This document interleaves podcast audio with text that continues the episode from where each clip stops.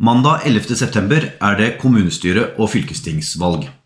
Når det kommer til politikk og valg, så tenker jeg at eh, jeg er en av de sikkert titusenvis som kanskje alltid stemmer det samme. Tenker at min stemme sikkert går til noen som kan tjene fellesskapet, og kanskje også meg selv. Etter å ha googlet eh, litt, så var det kun 58% av alle stemmeberettigede i Fredrikstad som stemte ved forrige lokalvalg. Det betyr at av de 66 000 stemmeberettigede i Fredrikstad, så valgte ca. 25 000 å sitte hjemme eller på gjerdet.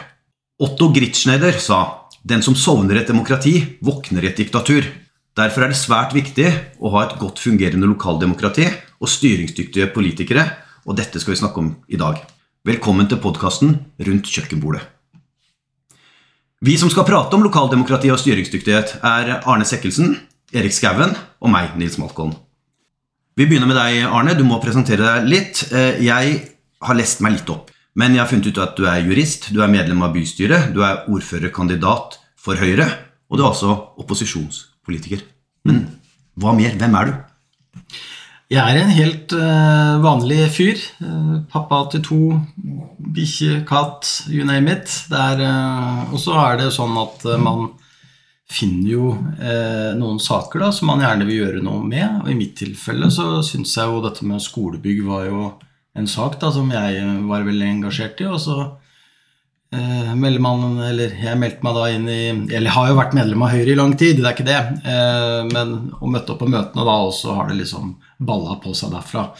Og så Svaret er rett og slett jeg er bare en helt vanlig pappa som bor i Fredrikstad, og som nå har kommet hit til at jeg er blitt da ordførerkandidat til Høyre.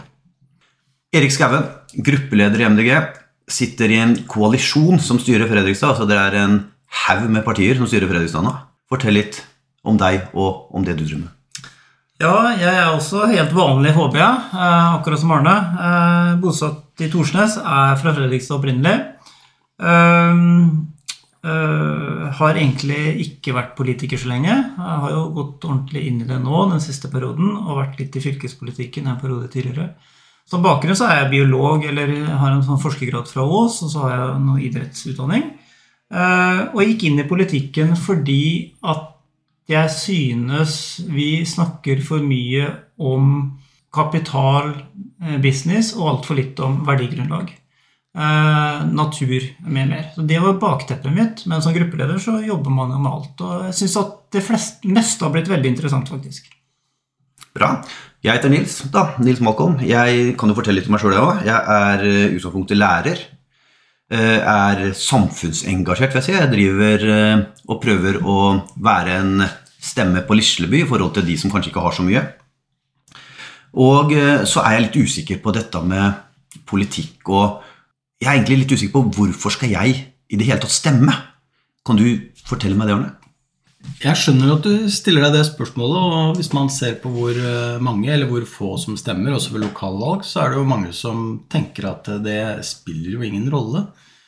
Og jeg, jeg har veldig stor forståelse for det. Man tenker også at eh, det er så, det er så likt mellom partiene at det, det, liksom, det berører ikke meg. Og den, den, avmakten her, da, det tror jeg er et problem for veldig mange. Eh, men så for å svare på spørsmålet hvorfor man bør stemme, så tenker jeg det er jo Først og fremst så bør man jo stemme fordi man tenker at eh, det er en, en rett man har, eh, som faktisk ganske mange har brukt veldig mye tid og ressurser og liv har jo gått tapt for å bevare den retten. Og hvis man ser dette litt sånn overordnet, så er det jo mange steder i verden hvor man ikke har den retten. Så, så det er jo den mer ideologiske vinkelen på det. Men um, først og fremst så håper jeg at man vil stemme fordi man føler at man er en del av et fellesskap, uh, og at man har mulighet til å øve innflytelse, og da bør man også gjøre det. Men uh, det kommer jo selvfølgelig litt an på person til person, da. Det gjør jo det. Så det har jeg forståelse for. Men uh, vi håper jo som politikere at alle vil stemme. Dere er jo lokalpolitikere.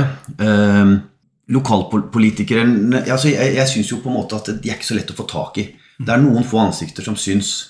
Eh, og vi ser ofte ja, enten at det er Høyre mot, eh, mot Arbeiderpartiet. Altså de, de, småpartiene som Er det å si småpartier, Erik? Ja. Som du kommer fra. Mm. Eh, de syns jo ikke så mye.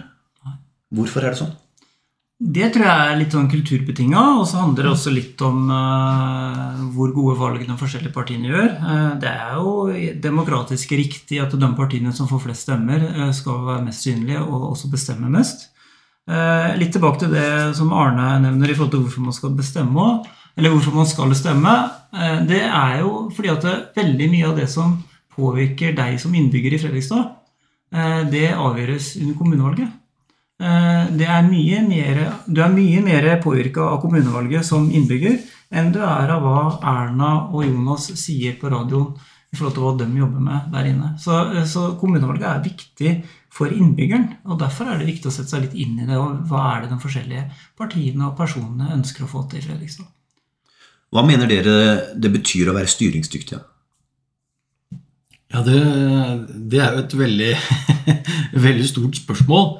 Eh, hvis, du, hvis, vi trekker det litt ned da, til si, Hvis man begynner på personnivå, så krever det jo for det første at man har et eh, mannskap og har personer som er interessert. Eh, og har de riktige motivene for å melde seg inn i lokalpolitikken. Det er jo liksom punkt nummer én. Enten at man har en eller annen fagkunnskap, eller man har et engasjement, eller eh, en bredde, hvis det er det. Men eh, det er liksom jeg, jeg, tror liksom motivasjonen er ganske avgjørende. Og som jeg har sagt før også, at hvis du ikke klarer å Hvis du ikke er interessert i mennesker og hvordan folk har det, da bør du helst drive med noe annet. Da. Det er jo liksom punkt nummer én. Mm, jeg tenker helt enig, Arne, at uh, må være, du må være nysgjerrig og du må ha lyst til å få til noe. Og så må du ha evnen også til å gjøre det. og da, Hvis ikke du har evne, så må du lære deg å samarbeide med andre og få dem. Men så er det også at uh, et styringsdyktig parti må jo også ha et partiprogram, eh, dvs. Si en kokebokoppskrift for hvordan man ønsker å utvikle kommunen og hva man skal få til de neste fire åra. Og Derfor er det viktig at alle, som, eh, alle bør selvfølgelig stemme, og man bør se litt på partiprogrammet. Hva er det de ønsker å få til innenfor de områdene man er opptatt av selv? Da. Om det er eldreomsorgen, eller om det er skole, eller om det er eh, idretten, eller hva det enn er.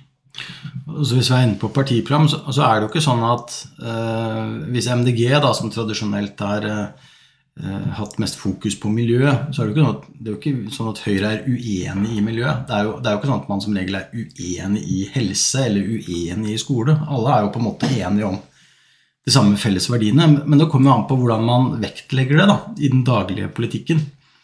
Uh, og det er jo kanskje det som er det mest avgjørende. Også når man ser på partiprogrammene, så, så vil du finne mange ulne formuleringer i alle partier. Og jeg tror det Hadde du lagt dem foran og tatt vekk logoen, så tror jeg mange hadde hatt store problemer med å skille hvem som egentlig tilhører hva. Men det er jo liksom hva er det hva er, hva er driven? Hvor er det man vil? Hva er det man vil opp oppnå? Det er jo liksom det sentrale spørsmålet da, for fremtiden. Og litt verdigrunnlag i bånn, da. Eh, hva, hva, er premisset for den driven? Eh, og så er det jo litt sånn noe ideologistyrt og noe kunnskapsbasert. Eh, så det er jo, jeg er enig i at partiprogrammene er på mange måter like, men man legger litt forskjellige premisser i bånn for å få til de resultatene. Og der er jo Høyre Arbeiderpartiet forskjellige, og MDG og Rødt forskjellige, med, med flere. Mm.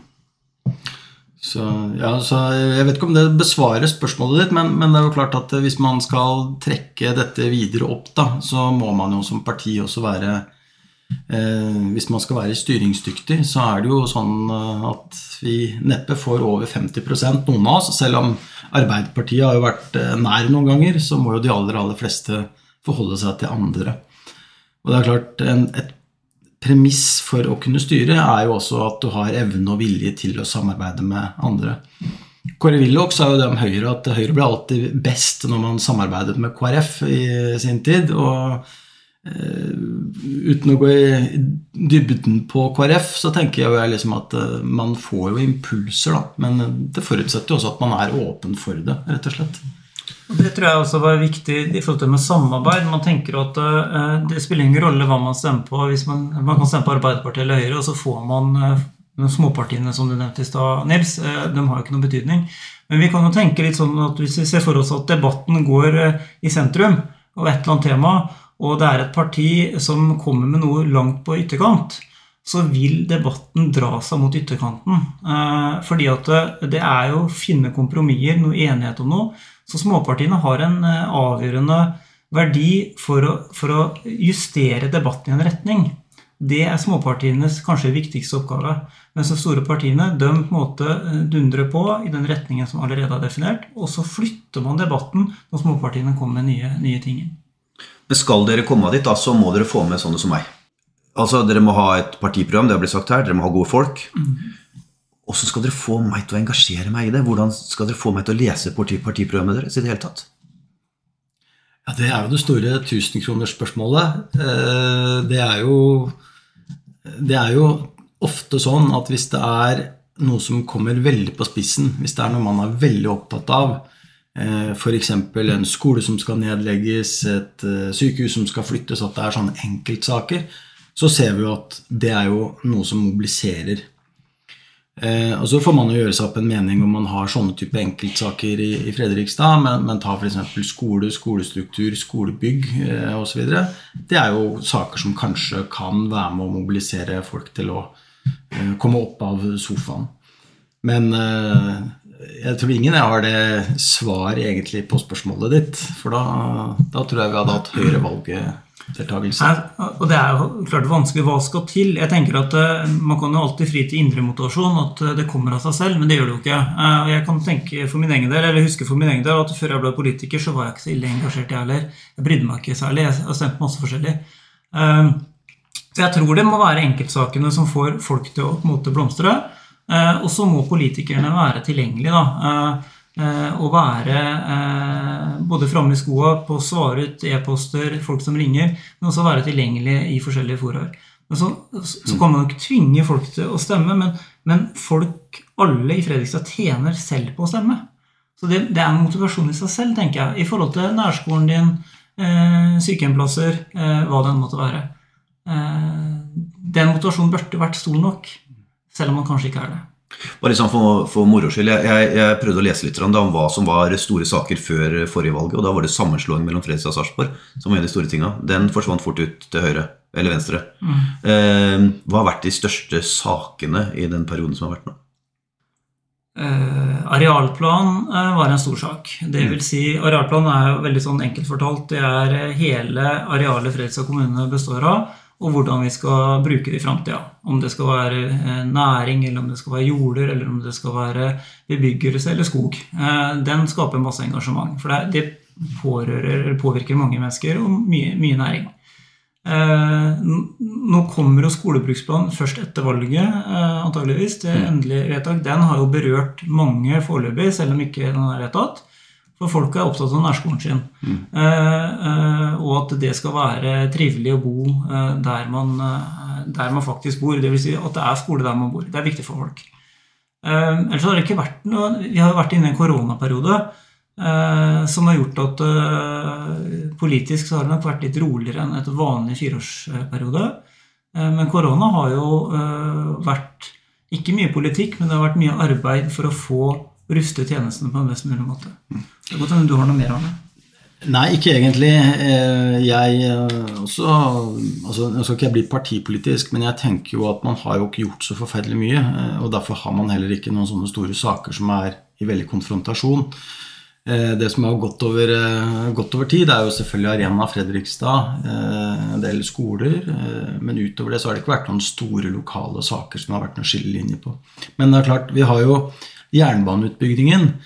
Eh, Det har jo vært en sak som har opptatt mange i, i lang tid, og dobbeltspor og, og dette her. Men eh, det er jo klart, det, jeg tror de fleste skjønner at det ligger liksom utenfor den lokalpolitiske kontrollen. Og alle er jo enige om at vi ønsker jo selvfølgelig dobbeltspor, men eh, så stopper jo på en måte debatten litt opp her, da, for vårt, vårt eh, nivå. Ja, mandatet vårt. Men, men jeg har lyst til å bare korrigere en ting. Arne. Jeg er litt uenig med deg at det ikke er gjort så ille mye. Jeg, jeg, det- jeg syns at vi har gjort veldig mye, men vi har gjort mange på en måte små ting. Men jeg har ikke hatt de store eh, debattene for å ha vært så uenig.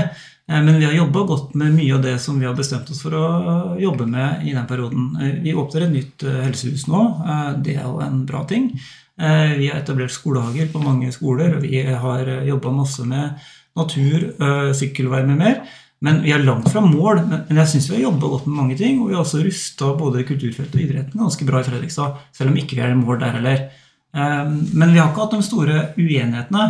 og Vi har til og med vært mindre uenige på eiendomsskatt, som er en sånn en, vanskelig sak. Det å skattlegge innbyggeren mer enn det han er fra før. Og den er jo på en måte noe vi har jobba med de siste par åra i forhold til nye, nye takstnummer. Men det har gått forholdsvis greit, og jeg har jo ikke landa helt. Det er en del klager som må jobbes med, men, men det har jo Men jeg har lyst til å avslutte med å si det at jeg opplever at Høyre, Arbeiderpartiet, MDG med flere har en vennlig tone òg. Vi er mer løsningsorienterte enn kanskje det har vært vane for i Fredrikstad tidligere. Så det har vært mye gode vedtak som vi har vært enige om òg, tenker jeg. Og det er jo en, en anerkjennelse av demokratiet, det òg. Ja da, og Hvis vi fortsetter litt på det sporet der, så, så får jo jeg en del spørsmål om er det sånn at f.eks. jeg og Siri er dere uvenner. Mm. Eh, og som jeg sier, nei, vi er ikke det. Man kan jo være Eh, uenig i debatt, og man kan jo ha en tone osv. Men jeg vil jo si det at det er jo et veldig sånn personlig og relasjonene mellom politikere i bystyret vil jo i hvert fall jeg for min, mitt vedkommende si at det er jo en veldig hyggelig tone. da. Og så må man jo på en måte spisse debattene litt. Men, eh, og det mener jeg er jo en styrke. da. Eh, hvis man ser litt på amerikansk politikk og det som skjer der, og den polariseringen som er der, så er jo det det er jo ikke ønskelig å komme dit, for å si det sånn. Eh, og så er det alltid viktig å tenke på at vi lever i et eh, lite lokalsamfunn, og man skal også leve her etter man er ferdig som politiker, og man skal leve her etter et valg, og da er det jo greit å ikke gå for langt ut på den personlige siden, da, for å si det sånn, på alle mulige måter. Å være styringsdyktig, det handler jo også om å kunne si det man er valgt på, da. Mm. Uh, og, og, Dere sier at det er en vennlig tone, men, men vi vet jo at uh, språkbruk på sosiale medier, mm. uh, hets, personangrep For mange politikere, jeg vet ikke hvordan det er i Fredrikstad, men for mange så, så, er vel det også en del av hverdagen. Mm. Hvordan påvirker det det å kunne være på en måte jeg vet ikke om det er ærlig er det riktige ordet, men også tørre å si det man mener. da. Mm. Jeg, jeg var veldig engstelig egentlig da jeg gikk inn i politikken i Fredrikstad for tre og et halvt år siden. Fordi at eh, jeg representerer et parti som mange har mye meninger om. Eh, eh, og det er på mange måter med rette òg, å ha meninger om det. Så jeg var engstelig både for min egen del og litt sånn at jeg har familie og små barn. og sånn. Men jeg, jeg opplever at Fredrikstad-innbyggeren er veldig høflig og ordentlig. Altså. Både i kommentarfelt og Klart det er noen som er, sier ting som er dumt, men men det er vel et uttrykk for frustrasjon, da. Mm. Eh, så jeg, jeg syns det har gått mye greiere enn det jeg eh, var engstelig for. Eh, og så er det viktig da, som politiker å te seg, oppføre seg ordentlig, være høflig. Eh, og jeg har i hvert fall hatt som ambisjon den, den tida jeg har vært der, å ikke snakke noen ned. Eh, ikke snakke Arne ned fra Høyre eller Siri ned fra Arbeiderpartiet, men snakke sak og være tro mot det. Og jeg kommer heller ikke til å gå inn i en valgkamp nå hvor jeg skal fortelle hvor dumme andre er, for å fortelle hvor flink jeg er sjøl. Jeg mener at budskapet, Hvis ikke budskapet mitt bærer, eller MDG sitt budskap bærer alene, selvstendig, så har vi ikke noe å gjøre i Fredrikstad-politikken. Da, da, da, da, er jo det greit, for så vidt. Ja, altså Det med hets og kommentarer og sånn, det var også noe jeg tenkte veldig mye rundt. Eh, kanskje ikke sånn ja, det er sånn som Erik sier, kanskje ikke sånn på meg personlig, men på familie og barn og hvordan dette vil bli tatt opp. da. Eh, men eh, jeg må jo si det at jeg syns Fredrikstad Blad skal ha kjempehonnør for den moderatorjobben de gjør i kommentarfeltet, og det mener jeg tar liksom vekk mye av den verste eh, hetsen, da, eller brodden, som, som man kan blottlegges for.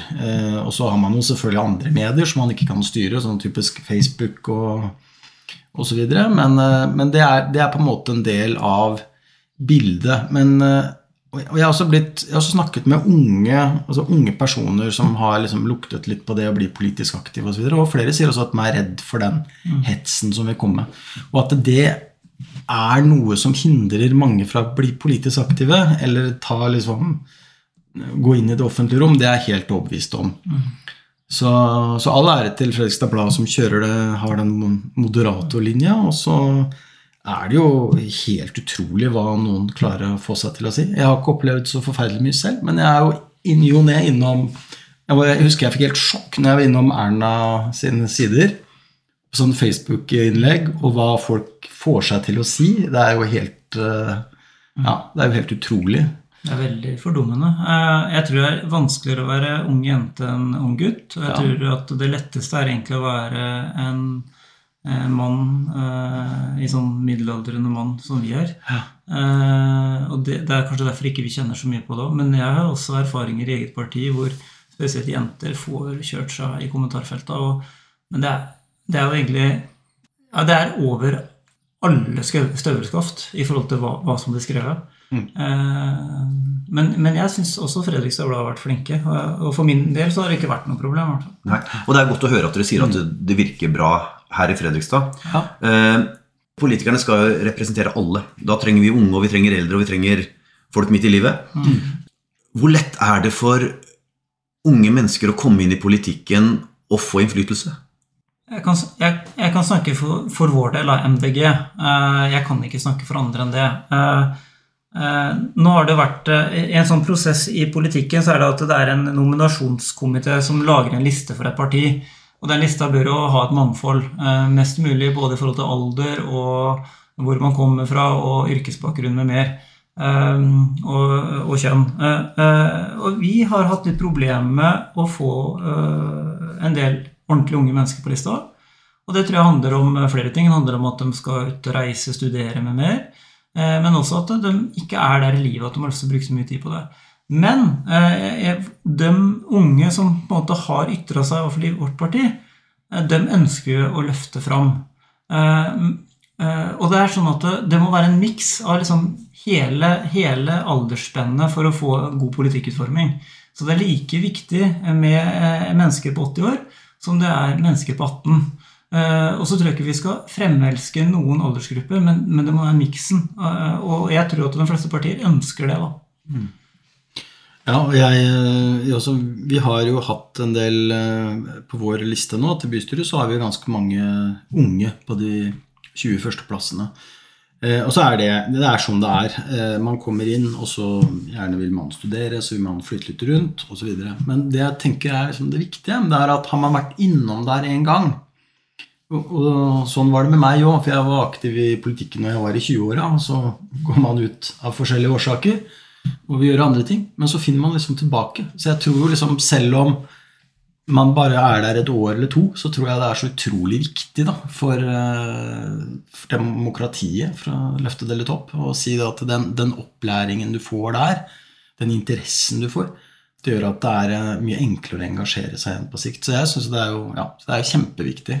Eh, Når det er sagt, så spør du om, om de har mye innflytelse. Eh, Jeg mener at de har det, fordi eh, de blir i hvert fall lytta til, slik jeg opplever det i hvert fall i eget parti. da. Eh, Hvis du ser på Unge Høyre på landsmøtene f.eks., så er jo de ganske dominerende faktorer. Så det er absolutt mulig å bli hørt, da. Ja, Jeg tror ikke det handler om alder, Nils. Jeg tror det handler om individet. Eh, Jeg tror at eh, flinke folk, folk som brenner for noe, og som har lyst til å få til noe, eh, og, blir lytta til. Eh, Det er mindre alderavhengig enn kanskje man tror. Og hvis jeg kaster en påstand opp i lufta her om at flere partier er elitestyrte, eller at de har en kjerne som bestemmer det meste, hva sier du da? tror jeg er riktig. Eh, I den forstand at det er eh, noen mennesker eh, som jobber veldig mye. Og i politikken så er det mange avgjørelser som må tas litt fort. Men de store forankringene, de store linjene i et parti, tror jeg er breddedemokratisk. Men jeg tror at i hvert fall i store partier i Fredrikstad så er det nok en indre kjerne som driver med hverdagsbeslutningene. Eh, Ellers så tror jeg ikke man får det til å gå rundt. Men kanskje med ett unntak, og det er kanskje Rødt, som har en veldig breddedemokrati på alle avgjørelser, har jeg et inntrykk av, uten at jeg kjenner det så veldig godt. Men hvis vi ser bort fra Rødt, da, eh, hvor lett er det da å komme inn i den kjernen? Jeg, jeg tror det er litt sånn at uh, jo mer kunnskap, jo mer tid, jo mer engasjement man legger i dette her, uh, jo raskere vil man jo også bli mer toneangivende, da, for å si det sånn. Men jeg er helt enig Erik om at øh, det er øh, Bredden forankres jo demokratisk. Og det er jo sånn øh, at vi har jo det som kalles for gruppemøter, og da tar man jo med bystyret pluss masse vararepresentanter og pluss, pluss. Og så, så, har man dette til en åpen diskusjon. Da. Så, og så er det litt sånn, tror jeg da, at det er jo mange mennesker som står på en partiliste. Eh, og så er det mange som står på den lista som egentlig ikke ønsker å involvere seg så sterkt, men ønsker bare å vise at man støtter opp under det som det partiet står for. Eh, og så er det noen da, som står kanskje litt langt ned på lista, eller ikke står så langt ned på lista, som ikke blir lytta til. Eh, og det er jo der på en måte problemet kommer. da. Hvis man virkelig ønsker å ha innflytelse og være med å bestemme og ikke får det. Og det tror jeg også skjer, altså. Men jeg kjenner bare det partiet jeg sjøl representerer i den sammenheng. Ja. Det, det, hvis det er sånn, så er jo det selvfølgelig et, en utfordring i forhold til demokrati og styrings... Veldig. Ikke sant? Mm. Og en, en, av de tingene som jeg også har tenkt på som kan påvirke det å være styringsdyktig, som kan påvirke demokratiet, det er jo det at eh, noen er lønna. Mm. Ja. Altså Hvis du har en årslønn på 500 000 i, i yrkeslivet ditt, og så går du inn i politikken så kanskje nesten dobler det, for alt jeg vet. Eh, hvordan påvirker det beslutningene dine? Mm. Hvordan påvirker det, det det, du gjør? Eh, man legger seg jo til vaner. ikke sant? Man legger seg jo til en livsstil. Eh, har dere noe erfaring med det? Har dere noe dere kan dele rundt det? Jeg vet ikke hva en politiker tjener i engang. Nei, det er nok litt, litt forskjellig. Og det avhenger jo også litt hva man har, om man er i posisjon og opposisjon. Eh, jeg, jeg, forstår det at mange reagerer på det man kaller for høye politikerlønner osv. Men, men vi kommer tilbake til det vi startet med, og det er hva er motivasjonen din i utgangspunktet for å bli politiker. Eh, og så vil det jo alltid kunne være sånn at noen blir mer tiltrukket av lønn og ser det at man kan bli lønna høyere der. Men eh, for mange så er det også sånn at man går ned i lønn med å drive med politikk.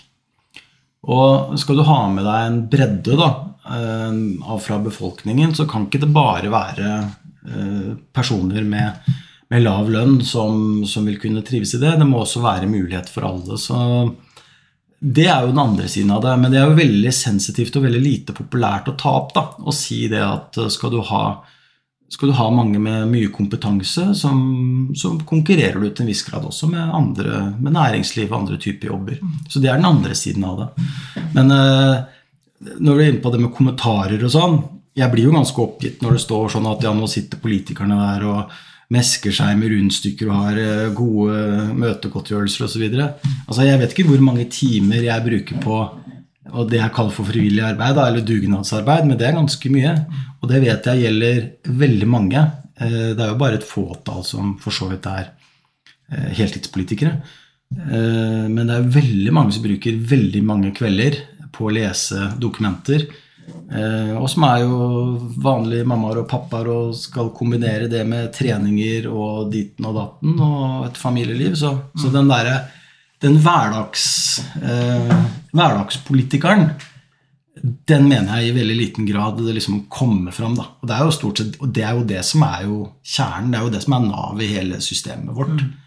Så har du noen få selvfølgelig som, som tjener bra, men eh, ja, Jeg tror i hvert fall at det er viktig eh, Hvis man ønsker å ha et godt fungerende demokrati, så bør alle partier ha ressurser som kunne eh, brukes i partiet for å sette seg inn i saker.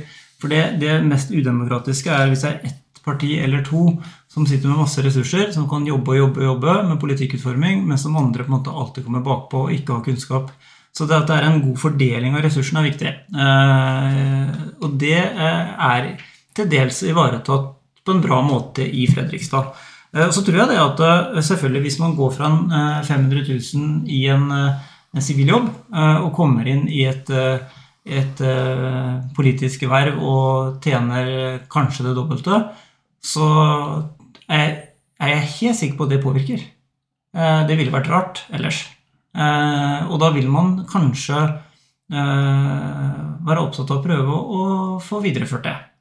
Eh, men så må man jo ha liksom tro på individet òg. At det viktigste, uansett hvor mye lønn man har, det er den jobben man skal gjøre. Det, liksom, mm. Ha tillit til individet. Og så, og så mener jeg at lønnsnivået i Norge eh, i veldig mange sektorer har jo eh, blitt veldig høyt. Og så er det noen som faller fra hele veien. Og, og, og jeg, vi bruker ofte at vi, vi må ha så og så høy lønn for å få den beste folka. Vi snakker om i kommunesektor og statlig sektor og det ene og andre. Det mener jeg er en sannhet med modifikasjoner. Eh, og det gjelder både i, ja, i, kommunesektor, men også andre steder. Eh, jeg tenker at eh, hvis, ikke, hvis folk velger en jobb med stort ansvar pga. lønna, så er det feil folk. Det må være først og fremst ønske om å få til resultater i den jobben man er i. Og så lønna skal du selvfølgelig leve av. Det må være en målsetning. Men mer enn det bør ikke lønna være. Kan mer lønn hos politikere skape mer idealisme? Om det kan skape mer idealisme? Altså at man uh, trykker til enda mer, liksom? Altså, eh, jeg, jeg kan snakke for min egen del. Jeg har en 8 eh, lønnsressurs som politiker. Og jobber jo bare som politiker.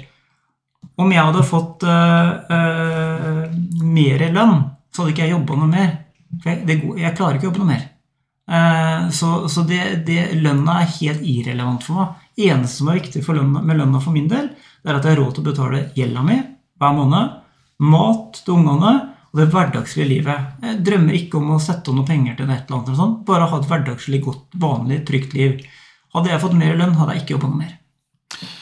Erik nevnte jo det med fordelingene mellom posisjon og opposisjon. Nå, er, nå, skal jo det opp til vurderingen. Jeg, jeg mener jo den er jo helt uh, feil i favør posisjonen. Uh, så skal man nå gå gjennom dette reglementet igjen på nytt for neste fireårsperiode. og Eh, jeg mener jo at det er en del av den maktstrukturen som har vært i Fredrikstad. At det er veldig vanskelig for oss som er eh, hobbypolitikere, eh, å kunne klare å sette seg inn i alle saker. For det har vi liksom ja, Det blir sånn David mot Goliat, da.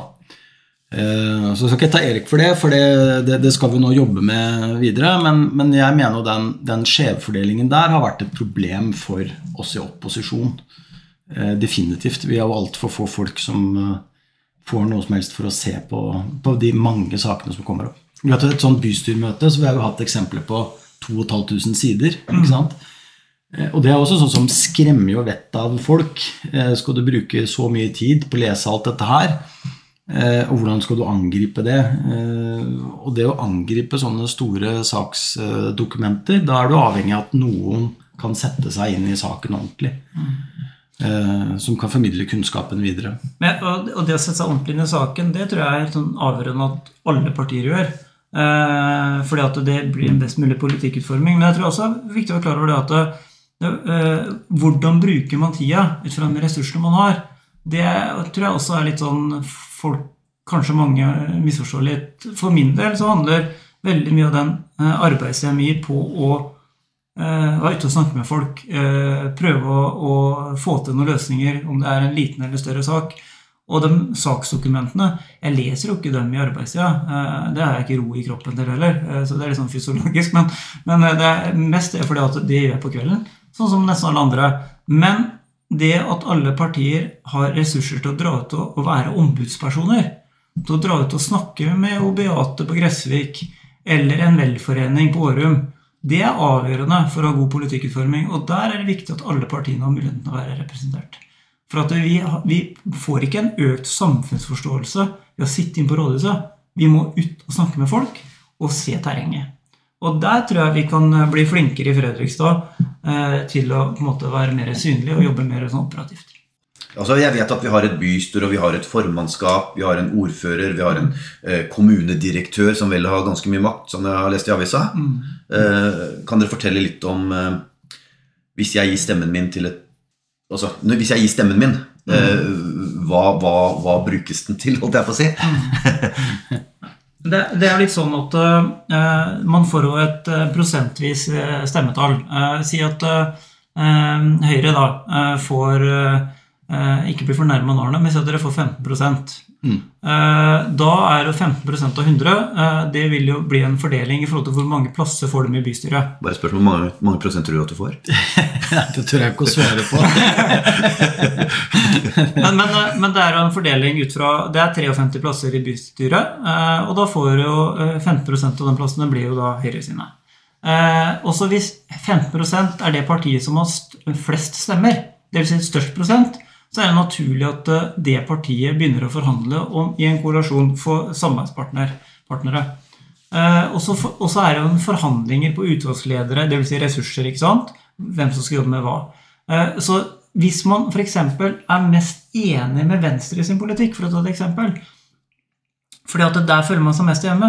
Så er det viktig å stemme på Venstre og ikke et annet parti. For hvis Venstre skal få innflytelse i neste periode og få gjennom de tingene som de syns er viktig, så må eh, de ha så stort stemmetall at de blir lytta til av storebroren. I det tilfellet her kanskje Høyre.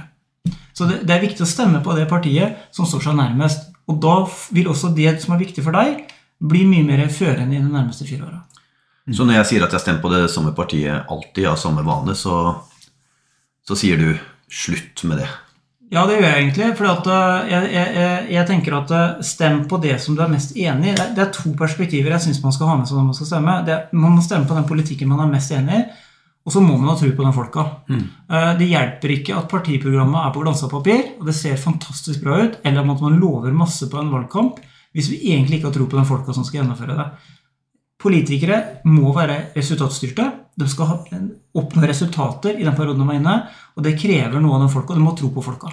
Så partiprogrammet eh, må du være enig i. I hvert fall 80 av det, 90 bør være enig i, tenker jeg, for å stemme på det. Eller så må du finne et annet parti, og så må du ha tro på folka. Mm. Jeg er helt enig med Erik. Og det, det med folk, de som skal styre altså det er eh, Man skal liksom ikke undervurdere det. Eh, og jeg tenker jo sånn hvis du ser på, hvis du ser på partiprogrammene og hvis du ser på antall avgjørelser som er like, eh, så er det jo veldig mange avgjørelser som er ganske like, og som er enstemmige. De fleste er jo faktisk det. Det blir jo bare banka gjennom og er gode avgjørelser som er tygd av administrasjonen. Men så handler det liksom om hvem er det du egentlig har tro på at kan gjennomføre den politikken som er på glansa papir. Og det er jo viktig. Og hvordan skal man finne ut om man eh, liker eller har tro på dem? Og da, Det er jo ikke så lett. Men der må man jo rett og slett bare søke de kildene som er, og skaffe seg et bilde. Og det er jo det Erik sa tidligere også, det er jo viktig at vi som politikere er tilgjengelige da, for folk. Sånn at man kan få dannet seg et bilde. Så det er et utgangspunkt. Ja, jeg tenker at Vi politikere vi skal liksom fasilitere til da, at hvis det er en utfordring et eller annet sted med en eller annen sak, så skal jo vi to, gjøre for to-tre ting. Vi skal sette dem i kontakt med riktige personer, så de kan få hjelp. Mm. Eller vi tar saken politisk og ber om en, en, et arbeid rundt det. Eh, eh og, og, i hvert fall på en måte ta folk på alvor. Eh, og det tror jeg politikere i Fredrikstad er ganske gode på. Jeg har, inntrykk, jeg har veldig respekt for alle bystyremedlemmene. Jeg syns det er utrolig mye flinke folk som tar folk på alvor. Men så er det det at man må også være resultatstyrt. Det hjelper, Holde folk med god snakk blir ikke noen resultater av. Så må, politikere må kunne agere og jobbe og holde i saken til han har landa. Bare liksom tilbake til spørsmålet mitt igjen. Altså, vi, vi, jeg er da med å velge si, et, et, kommunestyre. Mm. Det var på 53 personer. Ja. Og så over kommunestyret, det er forstått at det er regjeringa, så sitter formannskapet. Mm, det er under, på en måte. Er det under? Bystyret mm. er det viktigste organet. Okay. Og så under der så ligger formannskapet på 13 representanter. Hvem er det? Hvem får være med der? Ja, Det er en fordeling, det òg. Okay. Hvis 15 av til høyre da eh, fortsatt står seg, eh, så vil jo de få Eh, representanter som er 15 av formannskapets eh, fordeling. Eh, og sånn vil det gå nedover i hele systemet. Og så er det sånn at du klarer ikke å lede en kommune med 15% så da må jo Høyre i det tilfellet gå i samarbeid med partier, så de får et, helst et flertall. i hvert fall. Det, er, det beste er å på en måte kunne styre med et flertall. Og da er det sånn at det er å gi og ta internt i det samarbeidet. Hva gjør formannskapet? Det er jo mye, det er mange av de samme sakene som kommer til bystyret, eh, som de gjør et forarbeid på eh, og går opp løypa. Det kan vel være riktig å si, kanskje. Ja, det synes jeg. Så de forbereder saker på bystyret? Ja, på sett og vis. Og så har de noe, noen saker som de avgjør alene. Noen sånn skjenkebevilgning og en del altså, hva skal jeg si, tank, Den grunntanken er jo at det skal være en del sånne dagligdagse saker mindre, av mindre betydning, da, som likevel bør avgjøres av folkevalgte. Ja, næringssaker ligger ligger under eh, Og plansaker, eh, store overordna plansaker, ligger i formannskapet. Mm. Eh, så der er det endelig vedtak på en del av det. Men det, det, det organet som har mest makt i Fredrikstad, er jo bystyret. Jeg har hørt at den som har mest makt i Fredrikstad, er kommunedirektøren. Jeg har hørt at, eller om jeg har lest i Fredrikstad vet jeg ikke, men at 97% av sakene som blir fremma av, av kommunedirektøren, går igjennom. Mm. Hvem er det som bestemmer i Fredrikstad? Det er viktig å nyansere litt. Jeg tror det er riktig at kommunedirektøren har mye innflytelse. Og det er på godt og vondt, men mye på godt. Men så må vi huske på at de vedtakene som kommunedirektøren foreslår, det er jo på bakgrunn av tidligere politiske bestillinger. Så når det kommer en sak om et eller annet, f.eks. at det kommer en sak at vi skal bygge Trosvikhallen, en ny idrettshall, så er det politisk bestemt at vi skal bygge en sak, eller bygge den hallen. Og så eh, kommer kommunedirektøren med et vedtak som sier at vi skal bruke 100 millioner, det skal se sånn ut og sånn. Og da er det ikke alltid nødvendig for politikerne å gå inn og endre på det. Men hvem er det som egentlig foreslår det? Jo, det er jo politikerne i bånn som har bedt om en sak med de rammene, og så legges det fram et vedtak som vi vedtar. Så den, det er nok ikke riktig at 97% er administrasjon som har bestemt, men det er på jobba på oppdrag fra politikere. Men at kommunedirektøren har mye innflytelse i en formannskapsmodell, som jeg sa, vi har ikke parlamentarisk modell, vi har formannskapsmodell, det er helt riktig. Og det skaper også en stabilitet i byråkratiet. Ja, da, og, så jo, så er det jo sånn at uh, man kan jo Det kommer litt an på hvilket perspektiv man tar her. da? Én ting er jo å se på 97 noe annet er å gjøre som Erik sier, og si at dette her er jo bestillingene som kommer fra politikerne.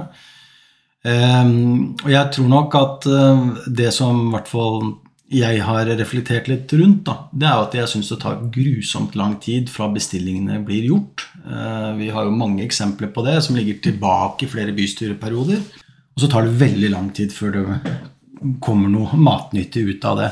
Og Da kan man jo stille seg spørsmålet hvorfor blir det sånn? Er det fordi at da politikerne ikke følger med, eller er det fordi administrasjonen ikke vil? Eller hva er det som egentlig Jeg har ikke noe klart svar på det, men jeg bare registrerer at det er sånn. Eh, og jeg tenker at det må jo være noe av politikernes ansvar også, da, å følge opp at eh, ting blir gjort underveis, og at du da, det vedtaket du kanskje gjorde i 2016 er helt utdatert når du skal ta saken opp i 2023.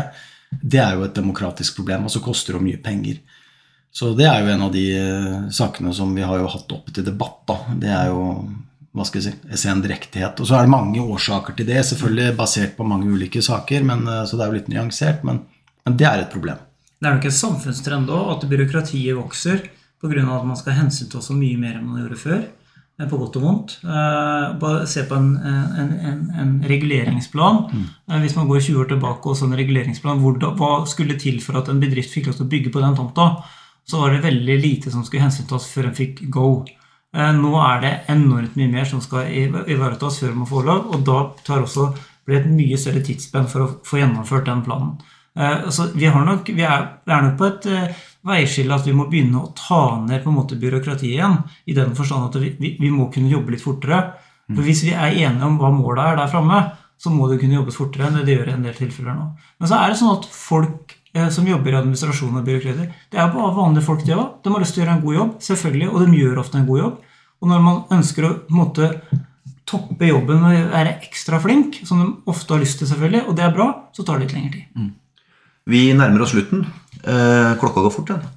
Eh, har dere noe dere har lyst til å si angående dette med styringsdyktighet og eh, demokrati helt på slutten? Ja, jeg håper jo at den som kanskje ikke vet om det, noe, om det, er noe poeng å stemme, eller tenker at uh, Skal jeg gidde dette her? Jeg håper jo liksom at man bruker uh, ti minutter, da, om så er, bare for å sette seg litt inn i hva de ulike partiene står for, og så tenker at det er faktisk ganske mange steder i verden hvor man ikke får stemme. Uh, og tenker at det er en del av mitt nærmiljø og hvis du ikke orker å lese partiprogrammene, så sett deg nå i hvert fall ned og dann deg et inntrykk da, av de personene som representerer de ulike partiene, og så får man gå opp en magefølelse, og så er det ganske raskt å stemme. Det er jo, kan jo bare forhåndsstemme når det ikke er noe kø. og eh, Det har jo blitt ganske mye lettere enn hva det var. Så vi kommer vel med en oppfordring her om at man bør, eh, man bør stemme. Mm. Jeg, jeg, tenker det at uh, det er ingen mennesker uh, 100% enig med et politisk parti. Jeg er ikke 100% enig med mitt parti. Det tror jeg ikke Arne er med sitt heller. Eh, det er naturlig. Så hvis man eh, skal lete seg fram til det ideelle partiet, så, så, så, finner man ikke det, tror jeg. Så jeg tror man må på en måte bare gå litt på magefølelse. Eh, men, men tørre å stemme tror jeg er viktig. Mm. For det er en høyere legitimitet i demokratiet hvis folk stemmer. Og så er det sånn at Når du har stemt, så har du også en rettmessig liksom, større rett til å på en måte forvente noe av det partiet du har stemt på. Da.